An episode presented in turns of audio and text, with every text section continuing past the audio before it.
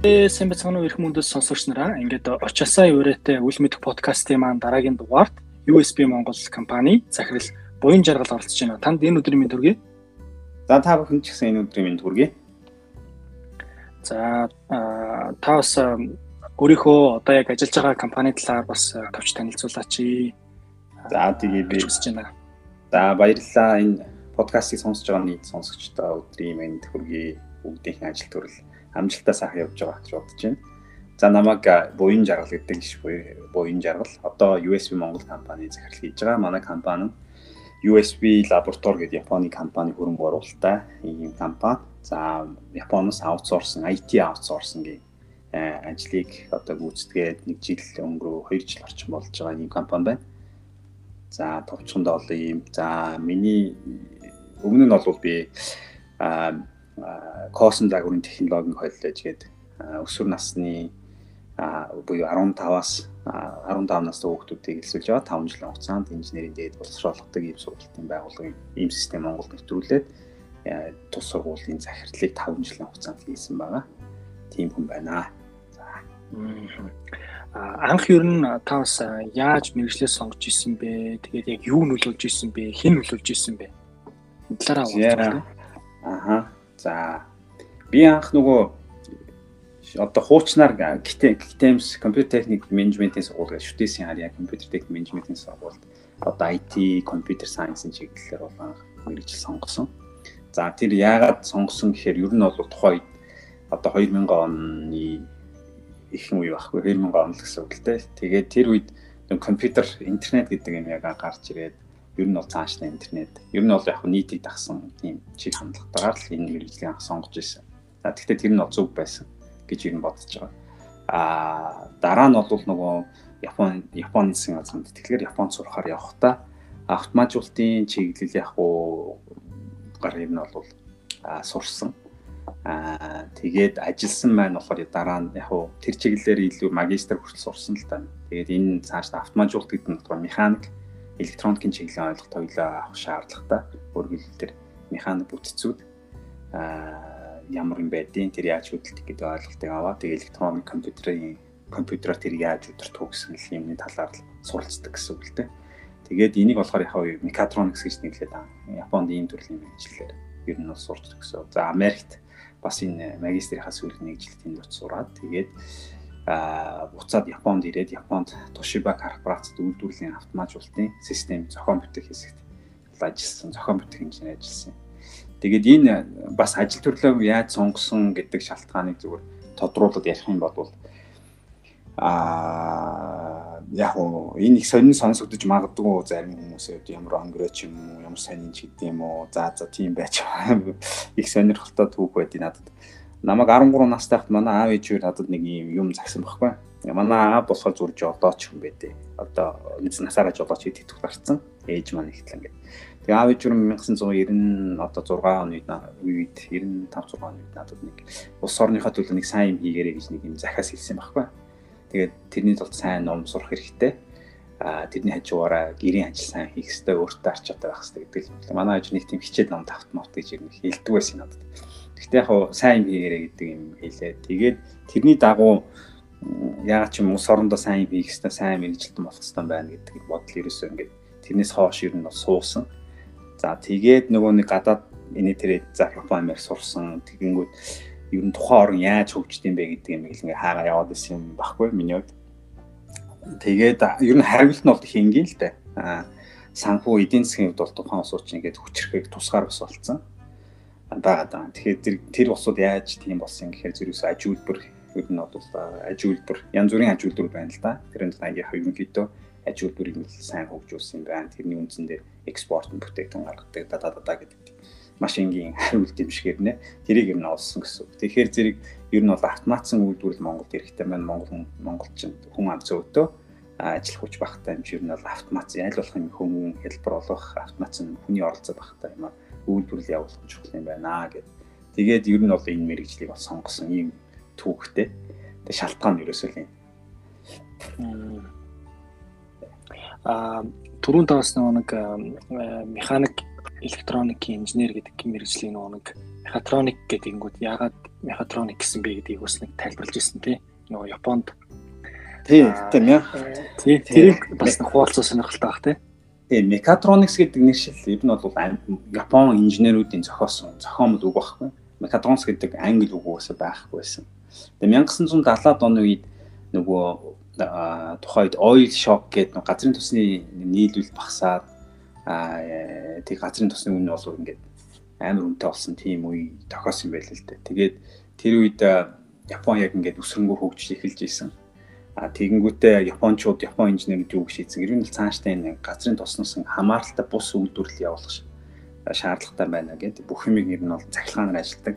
Тийм электроник рофтын рофтонд суурилсан үйлдвэрлэлийг бол нэвтрүүлнэ гэж шийдсэн юм байна. Тэгээ Японч нөгөө юутай атомын цахилгаан станц цахилгаан станцуудтай тэгэхээр үйлдвэрлэлийг цахилгаанаар хангахад заавалч газрын тус ямар ч үл хамааралтай байхгүй. Тэгэнгүүтээ за бүгднгийн тэр нэг цахилгаанаар ажилладаг э, үйлдвэрлэл явуулдаг тийм үйлдвэртэй автоматсан үйлдвэртэй болцгоо гэдэг ер нь бол үйлдвэрлэлийн роботуудыг бол нэлээд эрчимтэй хөгжүүлж ирсэн ийм түүхтэй. Тэр үедээ тэр механик гэдэг юм тусдаа байгаад электроник цахилгаан гэдэг юм тусдаа байсныг нь хоёуланг нэгтгэхэд за энийг нэгтгээд юм роботууд хийгээд Аа тэгээд энэ мехатроникс суурилсан аж үйлдвэрийг хөгжүүлнэ гэдэг. Тэгээд мехатроникс гэдэг үгийг ер нь бол Японы инженерүүд зохиосон ийм төвхтэй юм л. Тэгээд энэ мэрэгжил бол үүсээд хөгжөөд явсан гэсэн үг. Тийм төвхтэй. Аа сонгосон мэрэгчлэрээ ингээд одоо ажиллаж байхад сайхан болоо одоо хэцүү тал нь юу байдаг вэ?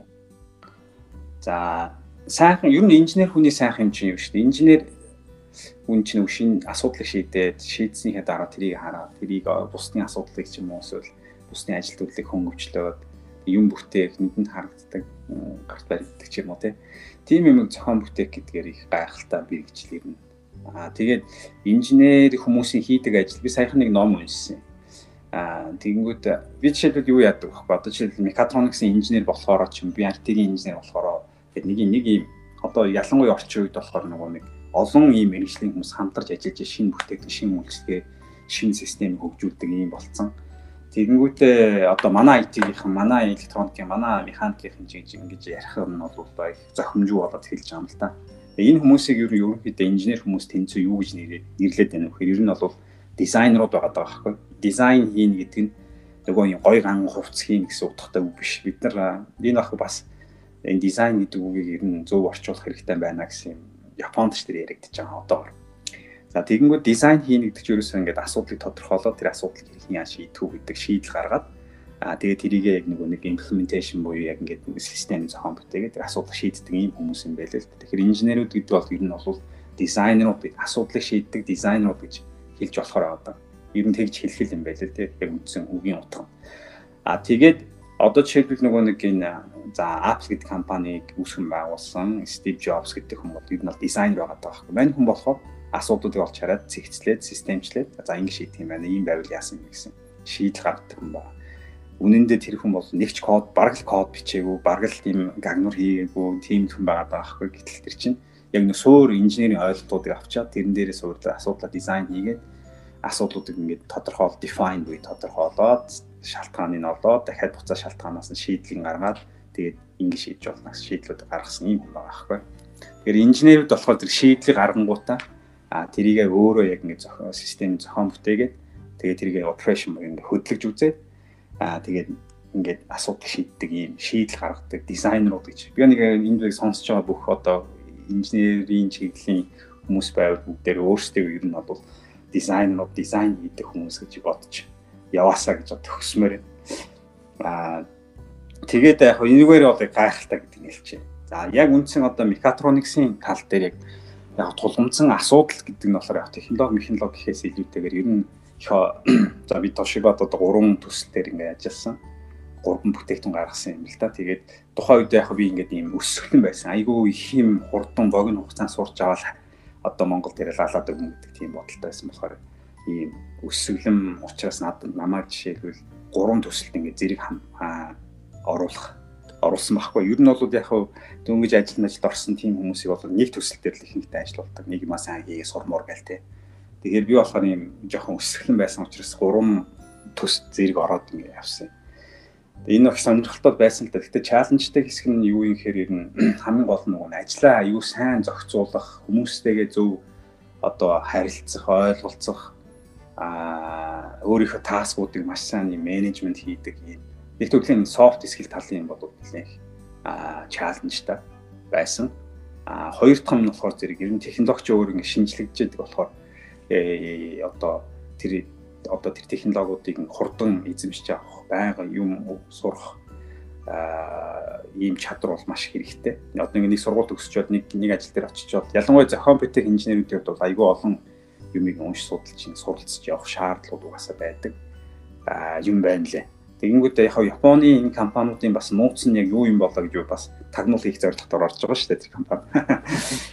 Тэгэнгүүт чинь ерөөсөө нууц нь ерөөсөө хүн дээр их аюу хүнийг маш их анхаарч хүнийг маш их сургадаг юм бэл. Ерөөсөө л ингээд байнга ингээд сургадаг бол ингээд албан тушаал байх болгонд нь тэр тогтсон сургалтууд аа ингээд байнга хийн. Тэр сургалтын том юм баазтай тэр нь аюу их байх. Тэр нь л ерөөсөө нууцсан байл. Түүнээс ч одоо Япон хүн болохоор ингээд лаборатори руу ороод тэр компани байшин руу орчингуудаа хог одоо 3 4 гартаа болоод хоёр толгойтой болоод ингээд яваад байдаг юм биш юм байл. Тэгэнгүүт нь тэр хамгийн том юм нэг экосистемийг бүрдүүлж чаддаг.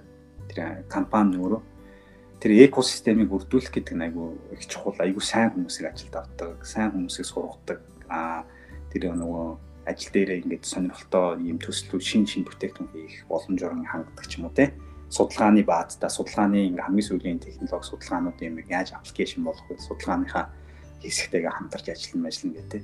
Тэр ийм том экосистем байгаа даа. Энд чинь тэгээ яг нь нэг үгэлэхэд би нэг бас олон хүмүүс хэлдэг. Манай Монгол хүмүүс яг гадны том компаниуд нэртэй компанид очиж ажиллаж байгаа сайн хэрэг боловч үнэндээ тэнд ч өстой 9 журын амтнд л ажиллаж байгаа юм л та. Олон орны хүмүүс ажиллаж байна. Тэгэхээр чинь нэг тийм бас нэг юм Монгол хүнд энд очиод ажиллаж хараад бүгднийг надад ухаантай болчиход байгаа юм бас биш л гэж хэлмээр байна.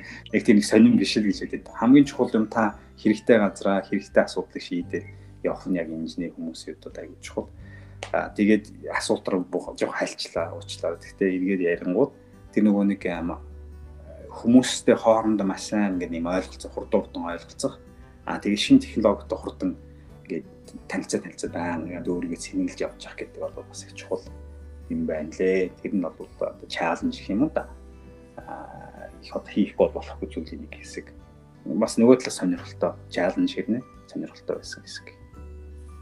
Аа А тэгвэл одоо яг энэ мэрэгчлэр ингээд ажиллахад яг нэг ийм ийм ийм ийм уур чадрууд одоо ер нь шаардлагатай байд юм байна. Яг энэ уур чадруудыг эзэмшсэн байвал одоо энэ ажил дээр гараад яг энэ хэрэг болд юм байна гэвэл та ямар ур чадруудыг ер нь нэрлэх вэ? Hard soft гэж ярил л да. Hard skill болохоор ер нь бол шүү дээ. Тийм. Инженер хүмүүсийн хувьд бол энэ байгалийн шинжилгээ ухаан зөвхөн одоо зөвхөн би нэг би тоондоо сайн гэл нэг тоо бодоод явааддаг биш. Ер нь бол энэ суур шинжлэх ухааны мэдлэг яг тэрний мөн чанарыг нь ойлгох тэр мөн чанарын одоо юу гэдэг юм тийм ээ зүгээр нэг томьёо цээжлэх биш байхгүй яг энэ эн чинь яг ямар учиртай шинжлэх ухаан бэлээ энэ шинжлэх ухааны ямар талаас нь аппроч хийдэг вүлээ ямар аргуудтай вүлээ ямар ямар одоо юу гэдэг онлоо онлууд байгаа вүлээ гэдэг энэ мөн чанарыг нь ойлгох гэдэг айгүй чухал юм байл тэгэх юм бол нөгөө нэг олон талын мэдлэг зүгээр одоо юу гэдэг технишн маягийн одоо юу гэдэг зүгээр нэг хүний хийсэн юм хийдэг ажил хийдэг хүмүүсийн хувьд тэр нь хэрэггүй л дээ зүгээр нэг юм өдөр тутам хийдэг юм аа л сурчин тэгэл эргээл ингээл ингээл мануал даал ингээл хийгээд тийм байх юм бол нэг тэр нэг тийм бодоодох шаардлагагүй. Харин шинэ юм хүм зохион бүтээн инээ тэрийг ингэвч ер нь суур шинж ухааны мэдлэгүүд аягүй их чухал. Одоо та нар ингээд бүгдээрээ ингээд дэлхийн нийтээр л харж байна л да. Elon Musk гэж нэг залуу ингээд гарч ирэл ингээд яваад. Тэгтэл мань хүн нөхрийн хамгийн нөгөө нэг давуу чадвар нь болохоор юу гэхээр шинж ухааны суур мэдлүүд аюул хүн байгаа байхгүй. Физикийн энэ нийгмийн шинж ухааны тэгээ бусад нэг шинж ухааны салбар руу байгалийн шинж ухааны салбарын суур аюул сайтай тийм л хүн байгаа байхгүй. Тэгэнгүүт нь заавал дугаар ингээд сансарлуу юм хөөргий мөр ер нь бол онлын хувьд бол надад чинь боломжтой. За тэр миний бүгд нөө физикийн ойлголтууд байна, химийн ойлголтууд байна. Тэднийг байгаа учраас тийм ярьж чадаад байгаа байхгүй. Яг уу бизнес нэг success хийгээд мөнгөтэй болцсон. Тэгмэд нь би одоо шинэ хаан суур мэдгүүд ингээд сайн тавигдсан учраас бос юм руу хамаагүй хөрөж чадаад байгаа байхгүй. Тэгэхээр зэрэг би юу зөвлөмөр байна вэ гэхээр ер нь бол энэ байгалийн шинэ хаан байна нийгмийн гэж ингээд ялгахгүй ер нь бол шинэ хаан суур мэдгүүдийг айгүй сайн юм мөн чанарыг ойлгож суралцмаар. Энэ энэ чадвар айгүй хэрэгтэй.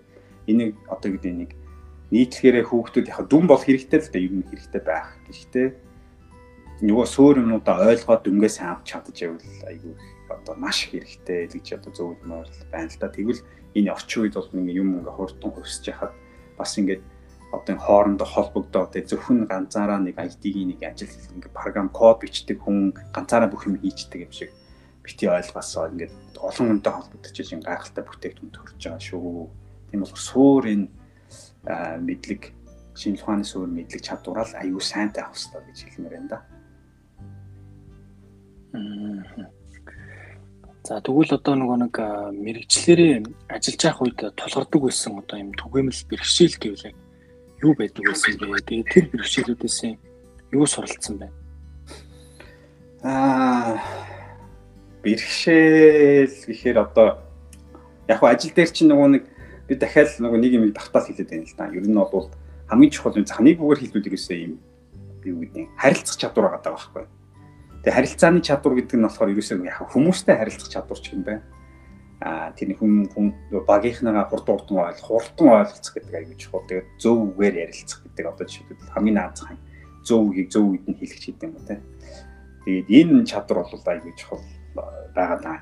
Нөгөө хүн ойлгох, өөрийгөө ойлгуулах гэдэг Тэгээ монголчууд нөгөө буруу хэзээ ойлгодог гэдэг юм тийм нэг юм. Тэр манжийн дардлын үед юм нөгөө ярьж байгаа юм ингээд хүн шууд ойлгуулахгүй маягаар буруу яриад нөгөө хүн монголчууд хооронд зөв ойлголцдог байсан юм шиг байна. Одоо бол тийх хэрэггүй аль болох хурдан ойлголцоод хурдан шийдвэр гаргаад хурдан урагшаа явах нэг гэж чухал байгаа даа. Тэгэхээр монгол хүмүүсийн хувьд бол нийт залуучуудын хувьд ялангуяа юм ярих хурдан ойлголцох гэдэг юм хурдан урдан ингээд солилцох ярилцах гэдэг аюул чухал. Тэгээд бас нэг харилцааны анги чадвар гэдэг чинь ерөөсөө бас нэг чадвар асуудалтай харилцах чадвар гэдэг. Ингээд өөрт ингээд тулгамдсан байгаа асуудлаа ингээд зөв тодорхойлоо. За энэ асуудалт юунаас шалтгаалаа яаж даван туулах уу гэдэг юм аа. Баян ингээд тэр асуудалтайгаа ингээд асуудлаа шийдэ шийдэ явдаг. Асуудалтай харилцах чадвар, хүнтэй харилцах чадвар гэдэг нь бол айгүй маш чухал ер нь бол чадвар байгаа даа. Тэгээ одоо үйлчлүүлэгчтэй харилцах чадвар ч гэдэг юм тийм Тэгээд энийг ингээд харилцах чадварыг чинь ингээд ойлгохын тулд тэр нөгөө нэг асуудлаа зөв танин мэдэх хэрэгтэй, зөв тодорхойлох хэрэгтэй, зөв шалтгаан нь олох хэрэгтэй. Энэ нь болохоор зүгээр habit болох хэрэгтэй. Habit буюу дадал зуршил болгочвол ер нь бусд нь бол тэгээд сая дурцсан суур шинжилгээ ухааны юмнуудаа суур чадвар чинь байх юм бол хөрвөө хөрвөөд ингээд хурдан суралцаад явчих боломжтой. Тэгвэл нэг жишээ хуваалцъя. За миний одоо хамгийн одоо хөндлөж авдаг Япон инженер байгаа. А тэр Япон инженер нь болохоор одоо Япон болон Америкийн компаниудад яг одоо технологийн чиглэлээр топ болох эсвэл яг инженер байж ирсэн аа яг mig хүн менеж хийдэг менежер болоод явдаг гэсэн хоёр юм том зам байгаа даа. Тэгээ миний тэр нөт хүнд итгэж явдаг болохоор яг технологийн чиглэлээр топ болсон одоо менежер болсон менежер зэрэглэлийн хүн багхгүй. Тэр хүн намайг нэг удаа а буян жаргалаа чи одоо айгүй их толгой сайтай маа гэж өгөөд хэлсэн. Тэрний шалтгаан нь болохоор одоо нэг ийм ийм жишээ аваа. Боддоо яг энэ тохиолдсон бодит жишээ бол биш. Нэг нэг ийм төстэй жишээ авахад одоо бид нэг уулзалт хийгээ байж байгаа өдрийн цайны цаг болоод манд бидний уулзалт ингээд дуус болж байгаа байхгүй. Тэгэнгүүт уулзалт нь цагтаа багтахгүйгээр ингээд цагаасаа хайлах болж байгаа. Тэгэнгүүт за бүгдээр ингээд уулзалтаа ингээд төгсгий гэдэг ингэж. Тэгэнгүүт нөгөө нөгөө нэг хүн маань юу гэж асуусан надаас юу асуу юу гэж асуусан гэхээр за буян жаглаа өдрийн хоолой хамт идэх үү гэж асууж байгаа. Тэгэнгүүт энэ асуултын хариулт нь болохоор уг нь бол а yes no гэж шууд хэлэх хэрэгтэй байхгүй яг ингээд уулзалт дуусч байгаа шүү дээ. А гэтэл би яасан гэхээр зэрэг юу гэж хариулсан гэхээр за өчигдөр орой би гэрте хоол хийсэн тэр маань үлдсэн тэрнийг би бенто бокс гэж авч ирээд ингээд тавьсан байгаа. Би тэрийг халаагаад иднэ. Тийм болохоор одоо тантай хамт өдрийн хоол идэж чадахгүй нэ гэдэг ийм хариулт хэлж байгаа байхгүй. Тэгэхээр энэ тэгтэл энэ энэ хариулт болохоор зөвхөн тийм зохимжтой бус хариулт байна. Аа яагаад тэгэхээр нөгөө хүн маань нөгөө уулзалт маань цагтаа багтаагүй учраас өдрийн хоол идэнгээ тэр уулзалтан дээрээ тэр хоолыг хамт идчих хоол идэнгээ нөгөө яриагаа гүйцээчмээр байсан байгаа байхгүй. Тэгэл би тэр асуулт яагаад үнзгийг ингээ бодохгүйгээр за өөрийнхөө нөгөө нэг хамт хоол идэж чадахгүй гэсэн excuse шалтгаанаа шалтгаан ингээ дуурдсан ба. Тэгээ хэрвээ бид тэрэн дээр тэр хүн яагаад энэ нюанстэй асуулт ийм асуулт асуух болов гэдэг нюансыг гаргаж илүү сайн бодсон болвол аа одоо юу гэдгийг те за би тантаа хамт ингээд очиос суун суучаад тэг буцаж ирээ бенто халаад идэж гэдэг юм уу тийм гаргалгаанууд гаргах хэрэгтэйсэн байхгүй. Тэгтэл би болохоор зэрэг шууд нөгөө за шууд үгүй гэж хэлж чадахгүй дэ бантаад одоо ингээд бенто мента авчирсан гэдэг юм юм хэлсэн байгаа юм л да. Тэгэхээр эндээс ингээ харахад нэг талаар амар ата одоо толгой сайтай гээд ингээ өгөөдөж байгаа гэднэ. Нөгөө талаар нөгөө хүнтэйгээ ингээ зөв харилцах. Яагаад энэ хүн ийм асуулт асуух болов гэдэг ч юм уу те. Ийм юм бодооч ээ гэсэн ийм айгүй том юм сургамж байсан. Тэгэхээр энээс хоошоо би бол нөгөө нэг энэ хүмүүс яагаад энэ асуулт асуу энэ юу гэсэн үг юм бол гэдэг юм ухаж яг тэр акшнс хоошоо юм бол ухаж боддог болсон байгаа юм л та. Тэгэхээр ажил дээр гараад ингээ явах хүмүүстэй ингээ зөв ойлголцох гэдэг зүйлс бол айгүй чухал юм аа гэсэн ийм нэг ийм жишээ юм байна. Тэгэхээр ажил дээр ер нь бол хамгийн чухал юм тэгээд тэр хүмүүст хоорондоо харилцах, асуудалтай харилцах. За бусд нь бол тэгэл суралцаад явчихна а тэр шинэ тухайн суур мэдлэг чадвар хамт юм асуудал гарах хурд урд суралцаад байх боломжтой гэж ер нь боддог. Тэгвэл мэрэгчлэр одоо нэг ажиллаж байх үеийн хэрэгжүүлсэн амжилттай хэрэгжүүлсэн сайн туршлага гэвэл та юуг вэ? За туршлага гэвэл одоо саяны жишээнээс эхлээд айгүй их юм одоо хүмүүсийн эв хавыг олох нөгөө би дээр дурдсан энэ гурван төсөл дээр зэрэг ажилласан юм а. Тэгээ төслийн яг хариуцж байгаа менежергээ тусдаас менежерүүдтэй. Тэгвэл тэр менежерүүд ингээд хоорондоо бас нөгөө хүнээ яг одоо хүнээ булаацалдаг юм да. Миний ажлыг дутуу хийлээ. Миний ажил тэр нөгөө төслийн ажлыг илүү хийгээд байна ч гэдэг юм уу. Тиймэрхүү асуудал гарсан. Тэгээд тэрийг олоод их хаятайхан менеж хийж нөгөөдүүдийнхээ учрыг одоо олсон гэд нэг юм нэг юм жишээ байна. Ингээд софт талаас, софт скил талаас. Аа нөгөө хард талаа скил талаасаа болохоор а би нэг гурван бүтээгдэхүүн нэг бүтээгдэхүүн болохоор яг миний яг магистрийн ажил хийсэн а магистрийн ажил дээр ингээд хангаас нэг юм автоматжуулалтын системийн нэг юм онлайн гэдэг математик загварчил байгаа байхгүй. Тэр загварчлалыг нэг бүтээгдэхүүн болгоход тэрийг ашигласан. А тэр болохоор тэрийг ашиглахад бас тэр сая миний дурдсан тэр Японы инженер маш их тусалсан л да. Тэгэхээр тэр өөрийнхөө нөгөө хийсэн судалгаа ингээд юмыг ингээд бодис бүтээгдэхүүн дээр турших гэдэг бол их сонирхолтой их гайхалтай мэдрэмж юм байлаа. Тэгээд энийг ингэж туршиж яг ингээд бүтээгдэхүүн болгох гэдэг бол их том туршлага их азтай туршилт туршлага болсон гэж би хувьдаа боддог. Одоо шинэ бүтээгдэхүүнүүд одоо шинэ тухайн шинэ ингээд одоо пейперүүд ч юм уу үйлдэлүүд ингээд гараад ингээд ийм байд юм тийм байд юм ингээд янз янзын юм гарч байгаа хэрэг одоо ингээд нийгмийн салбарт ч гэсэн одоо ингээд одоо нийгмийн шинжилгээ ухааны салбарт гарч байгаа тэр гарч байгаа одоо онлайн хэсгүүдийг жишээл авангуудаа яаж бүтээгдэхүүн болгох уу гэдэг юм хэсэг байгаа даахгүй. За одоо бүр одоо юу гэдэг одоо энэ коймо ингээд ярил л та. Тэнгүүд энэ юу гэдэг блокчейн гэж нэг ийм ийм концепт байна. Ингиж ингэж одоо имплементашн буюу ингэж зохиож болох юм байна гэж нэг пейпер гаргах ингээд үйл ингээд гаргаад тавьчихгууд тэрийг давангууд аа зөвдөг аппликейшн ингэж хийх юм байна. Энэ тэр хүмүүс шууд давангуудаа тэр хэрэглэж чадаад байгаа байхгүй. Энэ туршлага чинь айгүй чухал Ялангуяа манай Монголд болохоор ийм чадвар жоохон дутмаг. Тэрний дутмаг байх хоёр шалтгаан байгаа. Нэг нь болохоор яалтч нэг англи хэлний бүрэн төгсмөд мэдлэг багхгүй. Англи хэл ер нь бүгдээр англи хэлтэй CV-н дээр бичдэг нэг ийм системтэй мэдлэг олж авах хэмжээний мэдлэг бас дутаад байна. Нэг үг хэлээ. Тэгэхээр зөв тэр мэдлийг олж авах хэрэгтэй. Тэгчих юм бол тэр нөгөө нэг олон одоо ингэ манайх ингээд нэг хин миний ярьсан яриа мараа бол их сонирн биш шүү дээ. Ингэ нэхэд ингээд дэлхийн хамгийн ингээд супер дупер одоо хүмүүсийн судалсан судалгаануудыг олж хараад тэрийг яаж зарим нэг хэсгийн нэг аппликейшн болгох шинэ бүтээгдэхүүн гаргаж болох уу гэдэг нь шууд ашиглаа явах боломжтой юм зөндөө байгаа даа. Гэтэл яг тэр чадахгүй байдаг. А хоёрд болохоор зэрэг нэг юм а боловсролын системд нь яг ийм төрлийн а одоо юу гэдэг тийм туршилт а одоо юу гэдэг туршлага олгох тийм бололцоо их баг байгаа даа жоохон харамсалтай байгаа даа. Тэр миний одоо туршлага гэвэл одоо тийм л юм байна да судалсан зүйлийг хамгийн сүүлд судалсан юм бүтээгдэхүүн болгох чадсан гэдэг л их сонирхолтой туршилт байсан. За хүмүүсийн учрыг олох гэдэг бол бас нэг сайн туршлага байсан юм бол да. Аа. Та бас нөгөө нэг Тошибад ажиллаж исэн гэдэг тэгж ин тэ тэгэхээр тэнд ажиллаж исэн бас туршлагаасаа хуваалцах сонирхолтой байна. Би яг зүгээр нөгөө нэг хүнээс дам сонссон. Японд яг нөгөө нэг тэр Тошибад ажилласан анхны монгол хүн байсан ч гэдэг юм уу. Тэгэхээр энэ үнэн үү те энэ талаараа бас хуваалцвал. Япон Toshiba корпорац өөрөө нөгөө юу айгүй том корпорац байсан гэх юм уу том корпорац л та. Яг хүмүүс болохоор зэрэг гэраахан бараан бүтээгдэхүүн инээ тэрэ гэдгээр нэг мэддэг баг. Тухайн үед болохоор атомын цахилгаан Японы бүх атомын цахилгаан станц нэг ерөнхийдөө бүгдний хийдэг. Дэлхийд тэр нэг номер атомын цахилгаан станцтай байсан ч гэдэм үү. А түүнээс гадна нөгөө утас муц хийдэг, гар утас, смартфон хийж исэн, ТV, МВ хийж исэн, хагас дамжуулагч хийдэг, мэддэг гэл. Айгүй олон салбартаа тэр бидний сайн мэддүү салбар бол жишээлбэл Японы нөгөө нэг бүх дэд үтсийг нь хийдэг. Одоо жишээлбэл дэд үтс гэдэг нь болохоор зэрэг дэд үтсийн системүүд гэх юм уу да. Одоо бохир цэвэр усыг цэвэршүүлдэг байгууллагын бүх инфра системүүд энэ компани бүтээгдэхүүнээр ингэ явж яадаг ч юм. Ер нь Японд 3 том үйлдвэрлэгч байдیں۔ Toshiba, Hitachi, Mitsubishi гэсэн.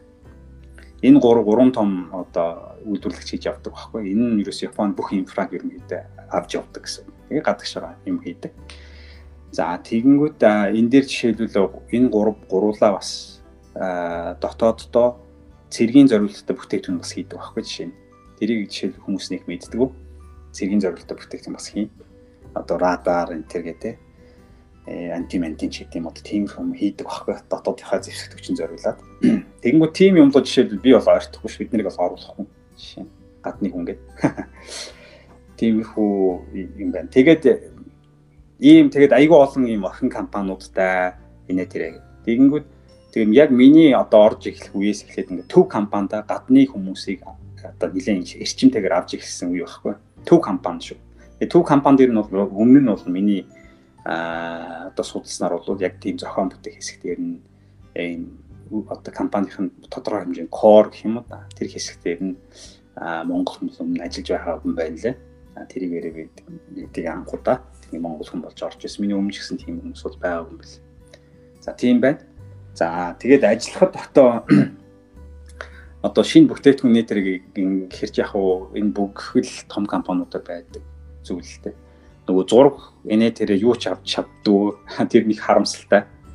Зураг мураг одоо гарч ороход одоо тийм бүх юм ингээд хяналтанд байдаг. Аа тэгээд яг уу гоё юм нь болохоор ингээд яг бид нар чинь бүтээгдэхүүн зохион бүтээх гэдэг нь болохоор сая өмнөх ярианд ч бас дуртлаад ингээд судалгааны хэсэг гэдэг байдаг байхгүй R&D хийдэг research and development гэдэг тэр хэсгүүдийн за ийм байна ийм байна прототипыг гаргachингууд нь тэрийг нь аваад яг шинэ бүтээгдэхүүн хийх гэдэг хэсэг дээр бид нар тэрийг чинь аваад туршаад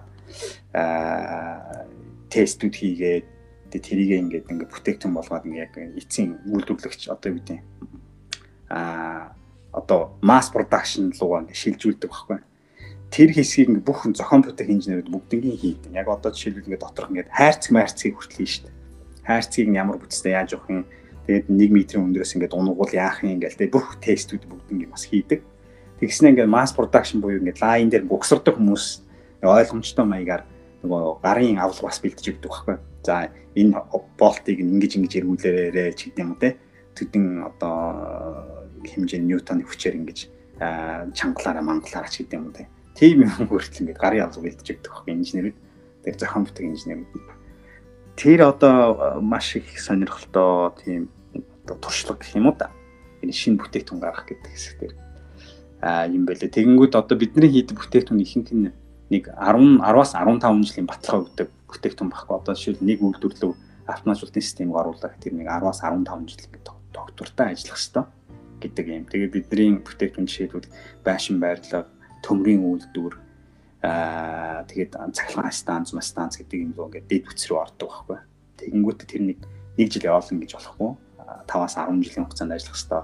Тэгвэл 5-аас 10 жилийн хугацаанд ажиллахад нөгөө нэг бүтээгдэхүүнд орсон эд ангиуд байхгүй. Эд ангиуд нь 5-аас 10 жилийн хугацааны сток буюу дагуулах байх эсвэл ханган нийлүүлэх байж хэрэгтэй дор тэр яг адилхан size mize ингээд өөрчлөгчл нэг бүтээгдэхүүн тэр чигээр өөрчлөхгүй болохгүй болчдөг байхгүй. Тэр мэрийг жишээлбэл аа нэлээд бодолцож тэр нөгөө деталуудаа ингээд сонгодог. Детал ханган нийлүүлдэг компаниудаа ч гэсэн их нарийн шалгууд сонгодог. Тэрийг нь одоо яг зохион бүтээх инженерүүд бүгднийг аа ер нь бол сонгодог байхгүй. Тэр компаниудыг. Тэгэхээр их сонирхолтой тийм аа одоо ажлын байр гэх юм уу ажил энэ зохион бүтээх инженерийн болохоор энэ тэр consumer product одоо Apple гэдэг компани 6 сард одоо сүүлийн 6 сард нэг бүтээгдэхүүн гаргадаг болсон байна. Тэрнээс ялгаатай энэ чинь 10-аас 15 жилийн хугацаанд ингээд ашиглагдах бүтээгдэхүүн хийдэг болохоор нэлээд их нарийн бодолцохгүй бол болохгүй гэдэг нь одоо нэг онцлог онцлог юм уу да. За ер нь нөгөө нэг карьерийг та бас юу гэж ойлгодог вэ? Нэг юм нийгэмд түгээмэл ойлголт бол байгаад байдаг. Гэхдээ таны хувьд бол карьерийг юу гэж ойлгодог вэ? Тэгээ бас төлөвлөдөг үү? Хэрвээ төлөвлөдөг бол хэдэн жилээр төлөвлөдөг вэ? За карьер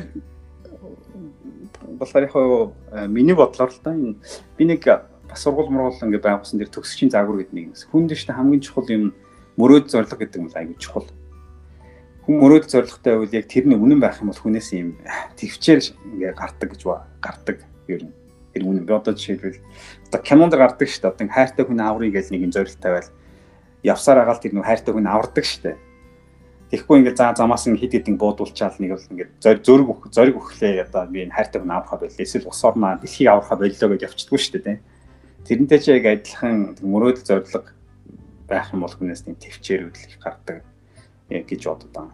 Тэгээд энэ энэ тал дээр яг миний тэр бичсэн тоглоомын дүрм гэдэг номд их дэлгэрэнгүй байгаа л да. Тэрийг бас тэр номыг нь тэр нөгөө интерном эсвэл тэр M class гэдэг энэ цахим одоо хувилбар ч гэсэн байгаа.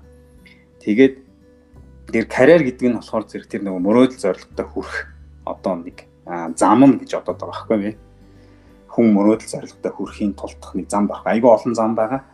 Одоо тэрний дунд хамгийн одоо өөр тохирсон өөр тохирно гэдэг нь болохоор хүний онцлог, хувь тавиланч гэдэг юм тэрэнд нь а одоо юу гэдэг сонирхолд нь ингээд тохирсон зам байгаа даа. Одоо юм хийж, юм зохион бүтээх дуртай ч гэдэг юм эсвэл бүжиг бүжиглэх дуртай ч юм уу те. Тэрнийгээрээ тэр өөрийнхөө хүрэх гээд байгаа тэр мөрөөдөл зорилготой хүрэх нэг зам гэж ойлгоод байна. Тэгэхээр ер нь бол нэг төрлийн юм зам байхгүй. За тэгэнгүүт энийг ер нь яаж төлөвлөх үү энэ дээр гэдэг яг хуу залуу байх үед нөгөө нэг эсвэл өсвөр наснд болохоор ингээд хаагуур нь явах мэдхгүй ингээл айгүй бол би ч одоо ингээл нэг юм ярингуут нэгвэр нь явмаар юм шиг санагдана. Янз янзын зам байгаа юм шиг санагдана л да. Айгүй олон зам нөгөө мөрөөдөлтөд өрхийн тулд одоо ингэ баян болъё гэдэг мөрөөдөө яхад за шууд coin аваад тусчий тэгвэл шууд баян болчих юм байна ч гэдэг юм. Эсвэл юу гэдэг юм те. А би биш одоо би ингээд зохион бүтээх IT-ийн чиглэлээр явж эсвэл би юу гэдэг сайлчин болож гэдэг юм те. Айгүй олон ийм зам байгаад ингээд хүний толгой ирэлдэг юм бол Тэгэхээр тэрийг аюул санд эргэлзээгээ гаргахын тулд тэр өөрийнхөө авьяас билег баг гений төвшин ямар онцлогтой гэдгийг өөрийгөө зөв тодорхойлох гэдэг бас аюул чухал. Тэгмүү тэр нь тодорхойлоход нэг тийм бас хэцүү зүйл биш. Тэр миний тэр номд бич 34 авьяас билег уншаал тайлбар ингээ өөрийгөө жоохон ханчаал э, аав ээжээс асуучих хэрэгтэй. Хүний аав ээж гэдэг чинь нөгөө нэг бид нар чинь ингээ төрхөөс эхлээд хамт байсан хамгийн ойрхон байгаа. Хам бидний хамгийн их онцлог юмнуудыг ажиж идэг хамгийн юм ажсан байх хэрэгтэй баг. Хамгийн бидний талаар хамгийн их мэдээлэлтэй хүмүүс нь тэр хүмүүс аа. Тэгэхээр тэр хүмүүсээс асуу, багш нараас асуух хэрэгтэй. Тэг өөр одоо ойрхон байгаа найз нөхдөсөө ч юм тийм үү те. А хамаатан саднасаа ч гэсэн асууж болно шүү дээ. Зөвлөмж аваад өөрийгөө зөв тодорхойлох гэдэг бол аюу нэг номерын чухал зүйл гэж бодож байна. За төлбөлдгүү гэдэг асуултан дээр энэ яг Японд очиод а манай нэг нэг Косэн технологи коллежийн нэг багш бид нараар ингээд өөхөх хүртэл их юугаа ингээ графика зураг гэж байгаа. Тим график гаргуулж ирсэн. Тэгээд тухайн үед нөгөө нэг Монгол хүний дундаж наслч нэг юм эрэгтэй хүний дундаж нас нь за 55 байлуу 60 орчим байсан баг. Тэгээ би нэг 60 хүрээл за бүхнэ гэл ингээд тэмдэглэж байгаа байхгүй 60 хүрээл бүхэн гээд за тэгэнгүүт нь 27 хүртэл ингээд том компани ингээд ажилд орно за 30 хүрээд ингээд гэрэлхэн ч гэдэг юм уу да да да гэдэг ингээд ерөнхийдөө биччихээд тэгээ 60 хүрээл за бүхнэ гэдэг ингээд тэмдэглэсэн байхгүй гэсэн чи манай багш Хүү буян жаргал чи одоо жаргах жархан нас хүрээд өгөхөд тахтай яд юм бэ? Чи одоо ядаж Япон Японд ирсэн энэ юм гайгүй одоо ингээд юм эргэл ахуй сайн хөгцсөн юм орон дэр чи нэг ядаж 70 хүртэлх амьдралаа төлөвлөлтөө гэдэг ингээд юм тоглоом болгоо хэлж ийсэн. Тэгэхээр ер нь бол тэр тийм төлөвлөлтийг ингээд тэр зурагч гэсэн одоо байдаг л та бид тэрийг байн хадгалдаг. За одоо яг тэр юуныхаа дагуу ер нь одоо нэлээд явж байгаа нэг хоёр жилийн наан цаа орсон юм бол нь бол байдаг. Тэгэхээр ер нь өөрийнхөө тий том зургаа бол ингээд за би нэг за одоо монголч нь бол дундч нас ингээд арай жоохон гайг болоод 60 хэдэн нас ч гэдэм 70 болчиход байна шүү дээ дундчлаа бол. Тэгээ за 70 хэдэн нас наслнаа тэгвэл би яах юм бэ гэл том зургаараа нэг юм зураг тавиад тэрийгээ жоохон тодорхойлчвал их зүгээр гэж бодож байгаа. За одоо миний төлбөж байгаа юм байна. Бид одоо сургууль ингээд сургууль байгуулах гэдэг чинь нөгөө миний Монголдо сайн зүйл хийх гээд байгаа шүү дээ тий Тэгээд тэр зориод тэр илүү л яваад байгаа байхгүй. Тэгэнгүүт бид нар манай Монгол улс чинь нөгөө юу байхсан санхүүгийн эрхчлэн хөгсдөө тэхийн л ажил төр хөгжсөн байх хэвээр ажил төр хэрэгтэй хүний нөөц нь ингээд бэлтгэдэг гараад ирж байна. Тэгээ энэ бэлтгэдэг систем ингээд Монголд бол олон байх хэвээр хүн болгон мэддэг болох хэвээр.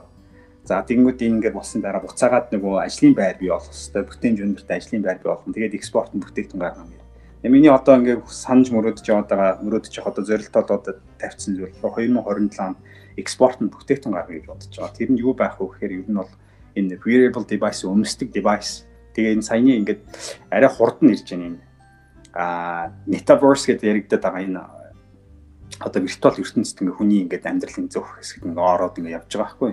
Энэ ковидаас улбалаад болсон уу? Би нэг ахаад нэг 2 жилийн дараа нь ирэх болов гэсэн чинь энэ жил ингээд Facebook зарлаад ер нь бол metaverse дээр ингээ айгүй бол том хөрөнгөөр тийм инээ дээр бол ингээ явчихж байгаа байхгүй. Тэгэхээр энэ бол би 2025 ч юм 24 оны үед ингээд энэ яг бүүн болж гарч ирээд тэгээд ингээд нөгөө нэг 27 ерөнхий том мастер плантай яваад байгаа байхгүй. Тэгээ ер нь бол 27 онд тийм экспортын бүтээгдэхүүн гаргая. Тэр нь бол ийм IoT энэ metaverse-тэй холбоотой тийм бүтээгдэхүүн гаргах юмстай гаргамаар байна да гэдэг ингээд бодоод явж байна. Тэрний наам нь яг уу ийм аутсорсингийн ажил хийгээд Монгол залуучуудыг ингээд ажилуулад тийм энэ аутсорсинг ажил бол урт хугацаанд бол хийх бол биш тийм сонирхолтой ажил биш байхгүй яг энэ үг хэлээд а юу одоо яг хийснээр ямар ач холбогдол гэхэд нэг жоохон юу болж байна? Валют гаднаас юм одоо импорт орж орчиж байна. Бид нар экспорт нь яг үйлчлэгээ софтверийн үйлчлэгээ гаргаж байна. Жоохон валют орж иж байна. А хоёрд болохоор энд ажиллаж байгаа хүмүүс нэг Японы стандартыг хангаж ажил хийж сурч байгаа гэдэг нэг давуу талтай. Байгаа даа.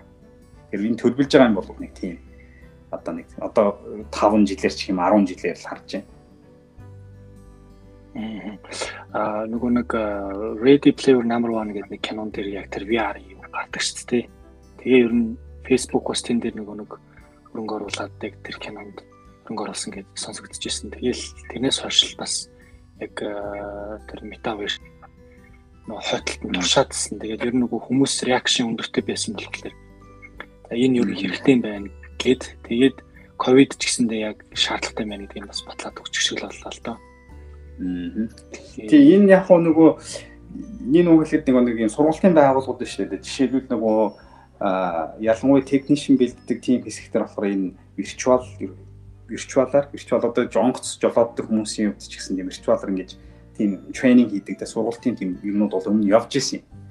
Ер нь бол явж байсан нь бол байсан. Гэхдээ ингээд нэг юм бүүн болох хэмжээнд бол ирээгүй байсан байхгүй. Тэгэд одоо сургалтын байгууллага тийм байдаг. Америкийн нөгөө нэг яг бүр одоо намайг 2000 оны ихэнх 2010 оны үед ингээд тийм cyborg гэдэг нөгөө тархинд нь чип суулгаад ингээд нөгөө нэг тренинг хийдэг.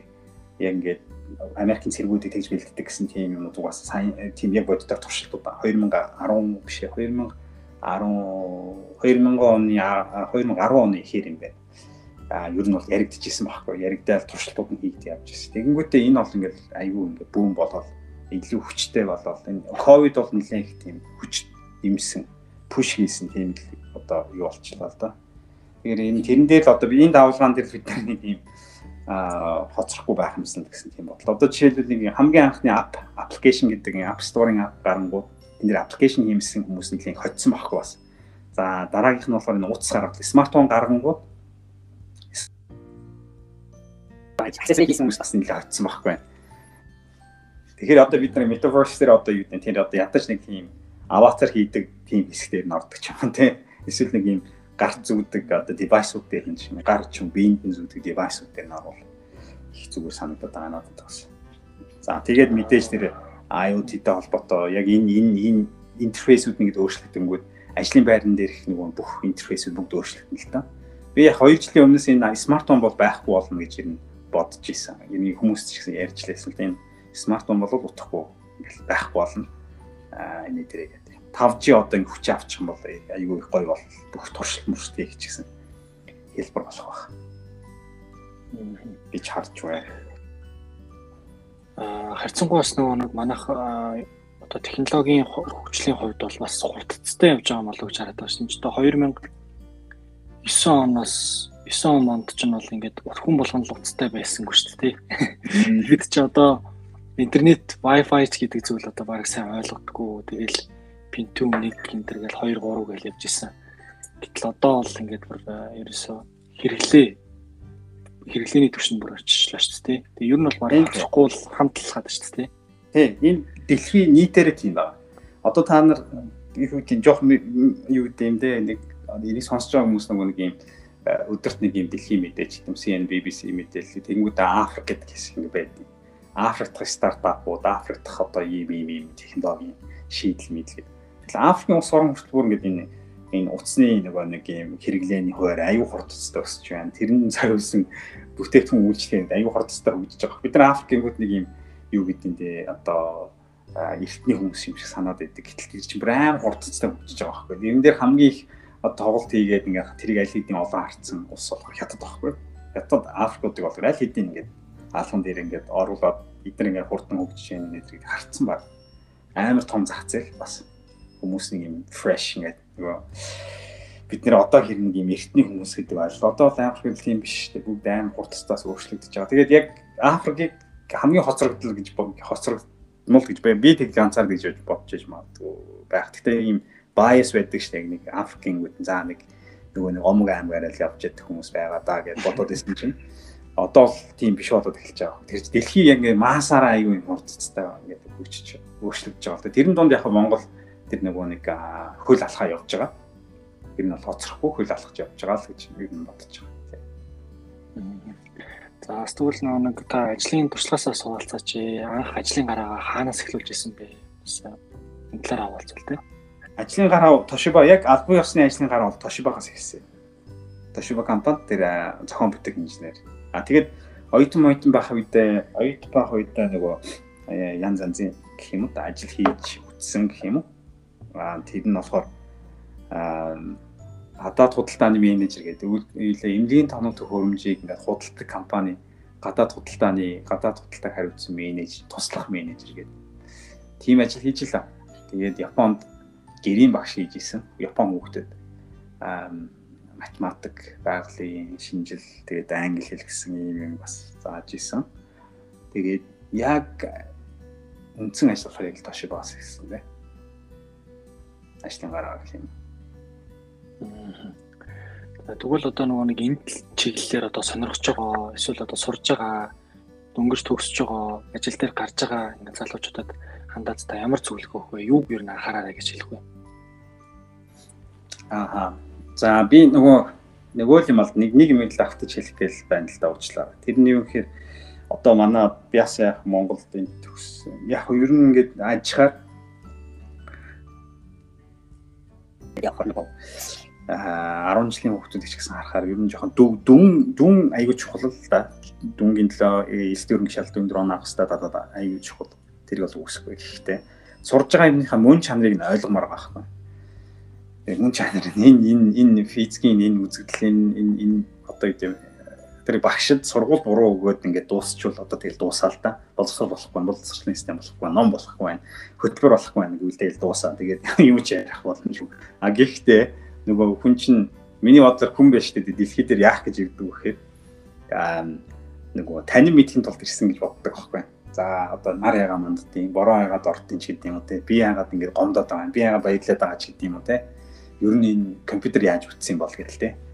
Тэгээд энэ тань мэд процесс ч ерөөсөө тэг уг нь бол тэр сургууль дээр зааж байгаа юмс эхлээд байгаа байхгүй. Тэрэн дээр яг суур айгүй уг нь бол хэрэгтэй юм заагаад байгаа. А гэхдээ бүргэж байгаа арга барил аа нөөс хүлээж авч байгаа одоо байдал нь гэдэг юм одоо оновчтой бос гэх юм да. Тийм байгаа болохоор нөгөө нэг нэг тал нь уудах нь аль хоёр тал нь л уудах болсон юм да. Тэгмүүд нь уг нь бол зааж байгаа юм ингэ сурчвал ингээд энэ сурж байгаа юмны мөн чанарыг ойлгох гэдэг айгүй чухал байна. Яг одоо ер нь математикийн суур энэ чир нь яа математик гэж юу юм бэ гэл суур нь тэ зүгээр нэмж хас үрчих байх. Дөрвөн аргын тоо тэгэл бусад нэг математик операторууд ингээд ингэх биш байхгүй яг цаана яагаад энэ үүссэн юм бол тэрний яагаад хэрэгтэй болч гэдэг юм те. Ер нь энийг яагаад би сурах хэрэгтэй юм бэ гэдэг юм. Энийг яагаад гэдэг асуултуудыг их тавиад тэр мөн чанарыг ойлгох, тэрийг танин мэдэх гэдэг юм одоо маш сайн хиймээр. Тэгэх юм бол энэ аягүй том өрсөлдөх чадвар болох гэдэг байгаа байхгүй ирээдүйд. Зүгээр нэг одоо энэ компьютер дээр ингэ код бичдэг. Юу гэдэг Python дээр код биш, C дээр код, C+ дээр ингэ код бичдэг. Энэ нэг тийм өрсөлдөх чадвар бол нэг тийм байхгүй. өчнөө зөндөө олон хэн энтэг ментэг гэсэн нөхцөл Монгол биччихлээ шүү дээ. Тэгэхээр хятад өөр юу гэдэг тэр Африкч байгаа нөхдөж гэсэн одоо код бичээл ремотор бүр Америкийн компанид ажиллаж байгаа тийм Африкт ажиллаж байгаа хүмүүс байдаг шүү дээ. Одоо та нар нөгөө Turing гэдэг Turing гэдэг нэртэй тийм жуулчлалын компани байгаа. Тэгмүү тэр Африкаас нөгөө нэг Америкийн одоо Silicon Valley-д байгаа компани ажил авч хийдэг мэдэг гээл тийм реклам зөндөө явт юм да.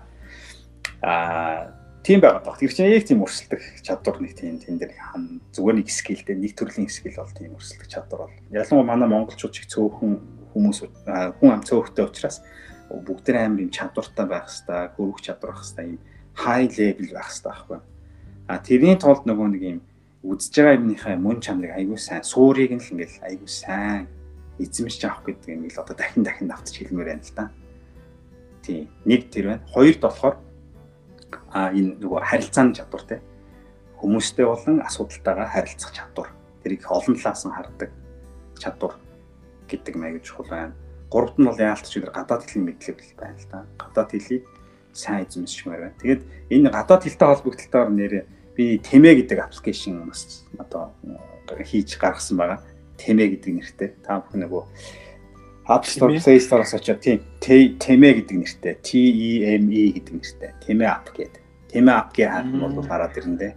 Тэгээ энэ ямар учиртай гэхээр би яг олон ийм англитэй холбогдолтой аппликейшн энэ тэрийг харсан онлайнаар ингээд фейсбુકийн нэг ийм групп мөрөв онлайнаар хичээл заадаг хүмүүсийг харахаар ийм өм цөм гэдэг хичээл заагаад байгаа байгаад байгаа байхгүй. Тэгэхээр энийг жоохон ингэ судлаад шийд шийдхийг зорьсон гэсэн. Тэгээд ингэ хурдан ингээд ингэ хоёр хэлтэн болцоомор аа. Монголчууд хоёр хэлтэй, Монгол англи хэлтэй болмоор байгаа байхгүй. Тэрний тулд энэ апыг уг нь бол зохион бүтээсэн гаргасан гэсэн. Аа тэгээд энэний гол point нь болохоор нэг хэлийг сурчвал хоёр дахь хэлийг сурахад хялбар байдаг гэдэг тийм. Тэр point байхгүй. Тэгэнгүүт монгол хэлийг эхлээ сайн сурах гэж байгаа. Монгол хэлийг системтэй сайн сурцгаая. Тэгэх юм бол англи хэлийг сурахад хялбар болох хэрэгтэй гэдэг нэг төр point байна. Монгол хэлээ сайн эзэн. За тэгээд яг энэ судалгаа модлого байна. Э, ер нь бол хэлийг сурахад нэг нас бол нэг тийм айхтар нөлөө бол байхгүй гэдэг судалгаа гарцсан байна. 19 оны тэр Harvard, MIT, Boston гэх сургууль. Тэгээд одоо хоёр төрлийн эзэмшил 18 наснаас хойш нэг жоохон буурдсан байна л да. Тэгэнгүүт 18 наснаас хойш яагаад нөгөө нэг хоёр төрлийн сурах процесс удаашрдаг гэхээр 18-аас хойш ингээд сошиал нийгэмд нөгөө нэг юм оролцоо нэгсэнгүүтээ хүн чинь завгүй болоод тэгэнгүүтээ нэг хэл сурах цаг нь багасчингуудаа хэл эзэмших нөгөө нэг юм хувь нь бол ингээд буураад явчихсан юм байна гэсэн юм юу үрдэн гаргасан байгаа байхгүй. Түүнээс биш хүн чинь нөгөө нэг ингээд нас өгсөх тусмаа штэ тий. Айгүй олон үгийн сантаа болд юм байна л да. Жишээл 18 нас хүрээ за 21 нас хүрээ пив ууж үзээд шаардаж үзлээ гэж бодъё л да. Тэгмүү чин 5 настай хүүхд шаардах гэдэг ойлголтыг мэдэхгүй штэ. Эсвэл 6 настай хүүхд ч юм уу тий. Тэгэхээр үгийн сан бол ингээд өсөд явдаг. А тэгээ нэг яг нэг дутагдaltaа яг бол жоохон хэцүү чаленжтай юм болохоор зэрэг энэ акцент байгаа даа акцент. Акцент нь болохоор нүүрний булчинтай холбоотой учраас 10 хэдэн жил ингээд 18 жил ч юм уу 20 жил ингээд монгол хэлээр ч юм уу ярьчаар англи хэлний нэг акцентуудыг л ингээд жоохон өөрийнхөө булчингаа тааруулахад л жоохон одоо чаленжтай гэх юм уу. Гэхдээ англи хэлэн дээр байгаа акцентууд нь монгол хэлэнд байдаг акцентуудын завсрын аваа болцсон тийм аваанууд байгаа. Тэгэхээр энэ авааны талаар ч гэсэн ингээд тайлбарлсан хичээл, видео хичээлүүд орцсон байгаа. Тэгээд нэг 5000 үгтэй 5000 үгийн бүгдээрээ цээжлэх арга марга энэ тэрэ гэдэг юмтайгаа ингээд орсон. Тэгээд онлайнаар ярилцж болно. Гадаа одоо юу гэдэг гадаад хүн Монгол хүн англи хэл сайтай хүмүүстэй ингээд ярилцдаг. Тийм платформыг хийгээд э, сарын өмнө гаргасан юм байна. Тэр энийг бас аваад ашиглаад англи хэлний чадварыг сайжруулад тэгээд зорилт нь болохоор бүгдээрээ хурдан Монгол англи хэлтэй болмоор байгаа. Тэгэх юм бол одоо ингээд хүмүүсийн тогооноос хурдан гармаар байна. Одоо юу гэдэг яг энэ дээр өнөөдөр миний ингээд загсан максим юм байна шүү дээ. Яг энэ үг л интернетээр хог шиг байгаа байхгүй Тэгээд дэрийг ингээд за өөрийгөө сайжруулах уу тэр авиас бэлэг гэж юу юм те 34 авиас клиптоны 34 авиас бэлэг гэж юу ингээл хаахтал бүх юм гараад өөрийгөө тест хийгээл үзэхлээр болмоор юм байдаг байхгүй. Тэгээд ер нь бол Монголд одоо ингээд нэг юм одоо юу гэдэг нь те эйжентүүд их болоод байна л да. Эйжент гэдэг нь нөгөө нэг юм зуучлагч те.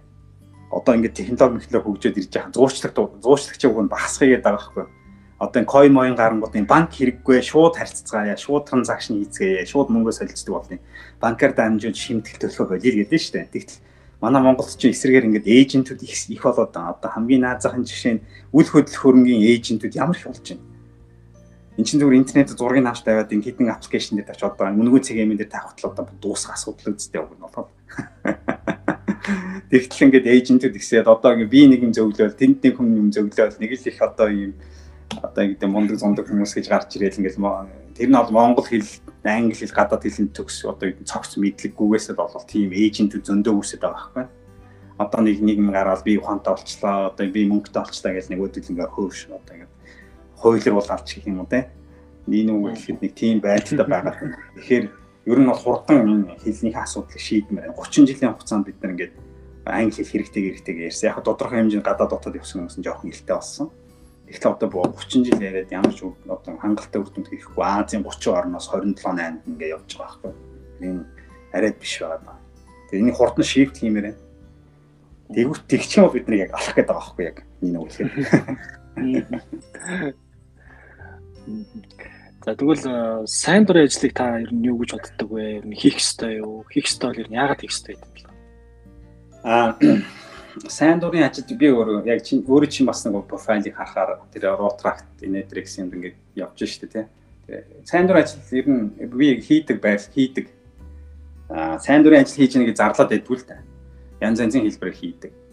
Тэгэнгүүт сайн дурын ажлыг ер нь бол хүн хийх хэрэгтэй хийвэл зүгээр үгүй л хийвэл зүгээр. Гэхдээ энэ энэ их философийн асуудал та юмнууд ч байгаа. Одоо энэ хийснээр янаад ямар ашиг тусдаа ч гэдэг юм уу те ашиг тусны их олон янзын хэлбэртэй л та миний амьдарч байгааг би юу гэж боддгоо гэхээр зэрэг миний би амьдрахын тулд миний эргэн тойрон ч бас надтайгаа ингээл одоо гэдэг холбогд холбогдож таарна. Би амьдрахын тулд бусдаа холбогдож таарна шүү дээ тий. Тэгмүүд миний эргэн тойрон чинь айгүй юм сайхан болох хэрэгтэй байхгүй. Одоо жишээлбэл энэ үг ингээд зүгээр хүмүүстнийг ярьдгүү. Би энэ байрныхаа эргэн тойронд хогийг төвдөг байхгүй. Ингээл бас шээстэй айгүй хог тарч манай миний энэ одоо байгаа байр чинь ингээд хотын яг төвийн төвд байв энд ингээд айгүй том компаниуд байна. Энд айгүй үнэтэй орон суудсан миний яг хажууд байна. Тэгэхэд энэ хав ингээд ингээд бүр хүний ялгцсан малгац хүртэл ингээд байж байгаа байхгүй.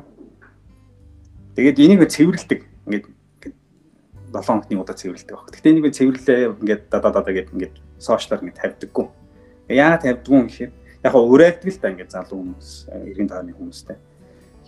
Гэхдээ энийг заавалч албад нь тэрийг хийх алуугүй тэр хүмүүс аавал алавдан хийх алба баг намаа хэлсэн болохоор биш. Тэр ингэ сайн дураар гэдэг чинь яг өөрийн одоо сайн дураар тэрийг ухамсарлаад а энэ цэвэрхэн байх нь надад амар тусдаа байна гэж хүлээж авах хэрэгтэй гэж би боддог байхгүй. Нэг эргэн тойрон маань айгүй юм сайхан болоосоо эргэн тойрон маань сайхан байх юм бол би бас сайхан байх юм байна гэж хүлээж авах.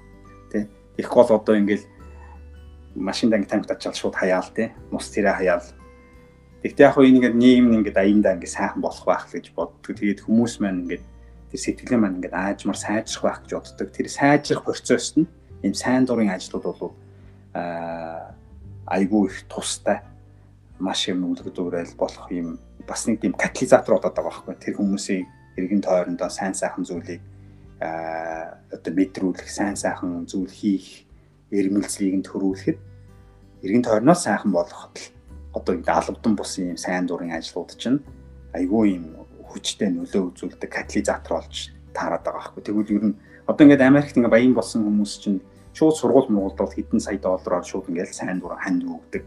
Ийм бүр ингээд тогтцсон юмуд байна шүү дээ. Японд бол жишээлбэл Япон хүмүүс болохоор ингэдэг. Нөгөө өөрийнх нь нэр мэрийг ингээд бичихгүйгээр энэ тусламж инетер гэдэг юм чинь ингээд нууцлаг гээл тиймэрхүү түүхүүд юм уу тиймэрхүү зөндөө байдаг байхгүй одоо орон нутгийнхаа төлөө юм хийдэг тийм сайн дурын ажилтай хүмүүс зөндөө бий. Тэгээд тэр нь өөрсдөө ингээл сошиалар рекламддаг.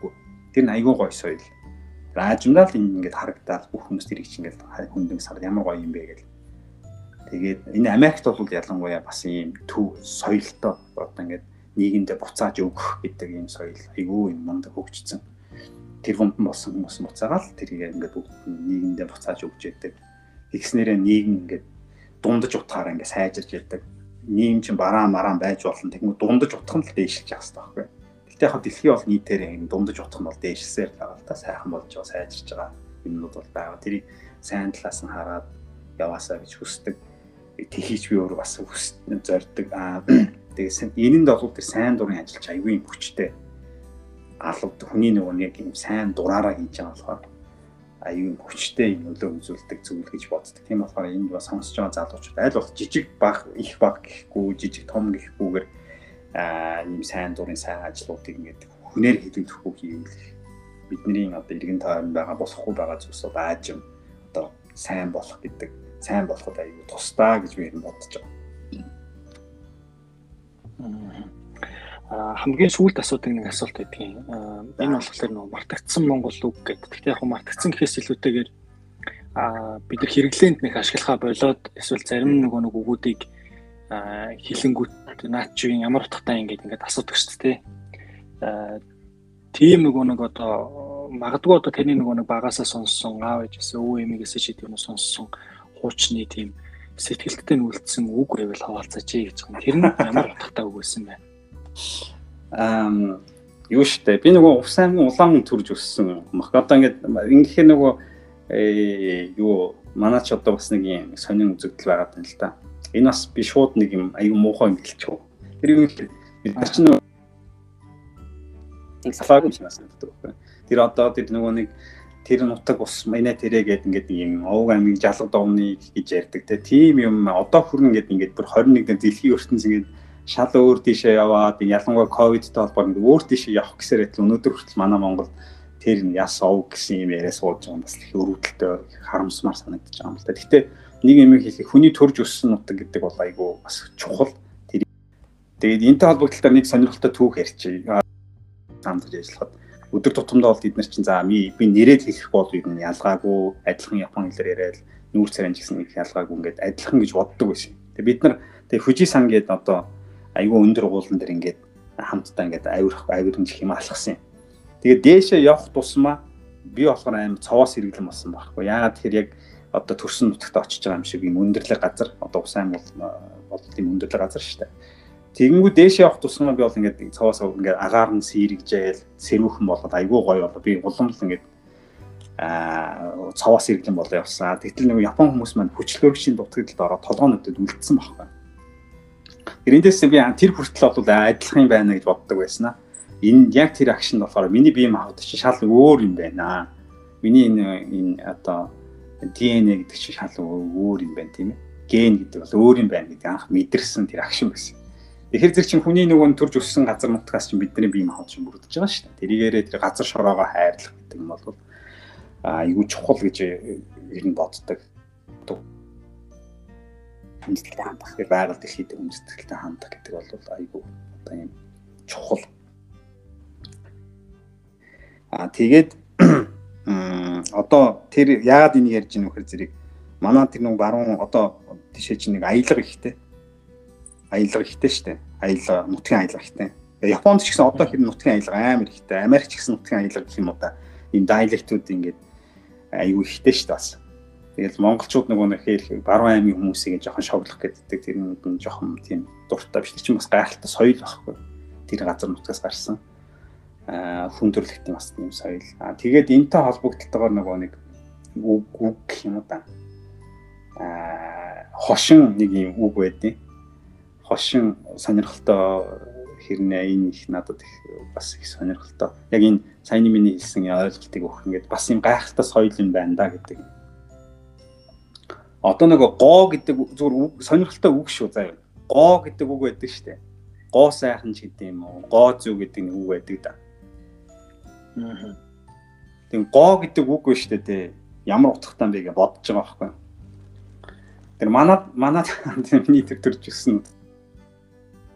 Жишээ нь гоогоор явах гэдэг үг байдаг байхгүй. Гоогоор явах. Гоо гоогоор явах гэдэг нь юу гэсэн утгатай? Тэгэхээр чигээр явах гэсэн утгатай байхгүй. Чигээр явах Тэгэхээр энэ гоо зүй гэдэг чинь юм чиг ийм тэгш сайхан ийм ийм цэгцтэй чигтэй байна гэсэн юм утгатай үг байгаад байгаа юм л да. Бас нэг э, үг болохоор одоо бичгэн гэдэг үү. Бичгэн гэдэг үг жишээлбэл тэнд ашиглагддаг байхгүй одоо баруун Монгол юм уу да манай тэнд бичгэн гэдэг үг жижигхэн